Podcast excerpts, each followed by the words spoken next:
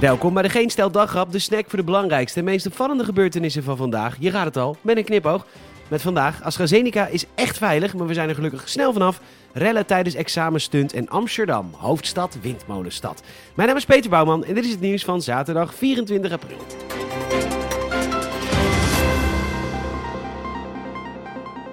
Vrijheid van meningsuiting is een groot goed en het is prima dat mensen van het Outbreak Management Team af en toe het niet eens zijn met de beslissingen van het kabinet. Maar soms is het gewoon heel dom om bepaalde dingen in de media te smijten. In het AD laat de vaccinbaas van het RIVM namelijk weten dat AstraZeneca na half mei helemaal niet meer nodig is. Dit tot grote woede van huisartsen die steeds vaker AstraZeneca overhouden omdat mensen er niet mee geprikt willen worden. Bijvoorbeeld in Drenthe. Dat meldt, ja, RTV Drenthe. En het is nogal wat om dit te zeggen, terwijl je mensen jonger dan 65 niet eens een vrije keuze geeft om het wel te gebruiken als ze dat zouden willen. Ik bedoel, ik ken genoeg mensen die het AstraZeneca-vaccin dik en breed zouden moeten krijgen. Mijn irritante bovenbuurman bijvoorbeeld, een collega van werk die me laatst uitlachte vanwege een verspreking. Laat hen lekker Astra nemen. Wacht ik op Pfizer. Echt enorm gezellig tijdens een examenstunt bij het Willem de Zwijger College. Zo gezellig zelfs dat de politie met wapenstokken moest ingrijpen om de 50 tot 100 jongeren tot bedaring te krijgen. Rector Jan Adels is niet blij en meldt aan Gooi en Eemlander dat er veel werd gedronken, personeel werd geïntimideerd, er vernielingen waren en dus dat er geknokt werd met de politie. Reacties vanuit de ouders zijn verdeeld tot ondersteuning van de rector tot ouders die kritiek hebben op het harde optreden van de politie. Want mijn lieve Spijker gedraagt zich altijd voorbeeldig. Nou, wij feliciteren Spijker en al zijn medeleerlingen met hun prachtige VMBO basisdiploma. Prachtig was het vandaag in Amsterdam. Als een soort van sale zijn er tientallen boten vandaag het water opgegaan om te protesteren tegen de mogelijke komst van windmolens in onder andere Schellingwoude en bij de Noordereiplas. De actiegroep heet Windalarm en er zouden 25 boten meevaren.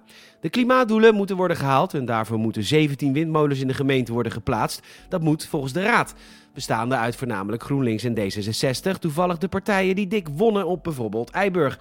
Maar goed, men wil een groenere toekomst voor Kaper, Walhalla en Divine Wonder. Maar dat moet dan wel uit het buitengebied komen. Vreemd toch die kloof tussen stad en platteland. Bier wordt duurder. Ja, we mogen straks de terrassen weer op. Maar het biertje zal zeker een stukje duurder zijn. De ondernemers hebben al maanden geen enkele ademruimte, maar de megabrouwers gaan toch verhogen. AB InBev van onder andere Jupiler en Hertog Jan 3,5%. Bavaria 3,5%, maar dat drinkt toch niemand.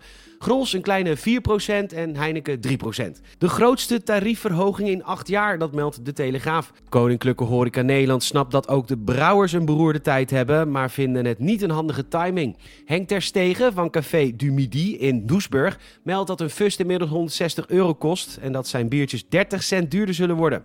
En dus heb je hem inmiddels voor vier fluitjes op een terras, een kratje in de supermarkt.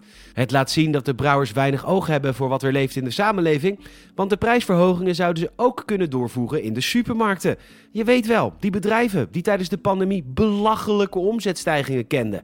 Eerder beloofde Heineken dat ze de prijs pas zouden verhogen als de zon weer zou schijnen, de terrassen volstroomden en er omzet zou worden gedraaid. Alleen het laatste is gelukt. Er wordt straks inderdaad een fractie van de normale omzet gedraaid in de horeca. Het zag er wel niet rooskleurig uit voor de vermiste Indonesische onderzeeër KRI Nanggala 402. Het 44 jaar oude schip verdween woensdag van de radar en nu zijn vermoedelijk de eerste wrakstukken gevonden. Dat meldt nu.nl. Er was een persconferentie van de legerleiding en daar hebben ze weinig hoop meer. Het onderwaterschip is middels een scan op 850 meter diepte gelokaliseerd, honderden meters dieper dan het schip aan kan. De voorraad zuurstof is nu ongeveer ten einde en dus is het waarschijnlijk over en uit. Bedankt voor het luisteren en je zal ons enorm helpen als je een vriend of vriendin vertelt over deze podcast. En ook een Apple Podcast review zouden we enorm waarderen. Maak er een mooie zondag van en tot morgen.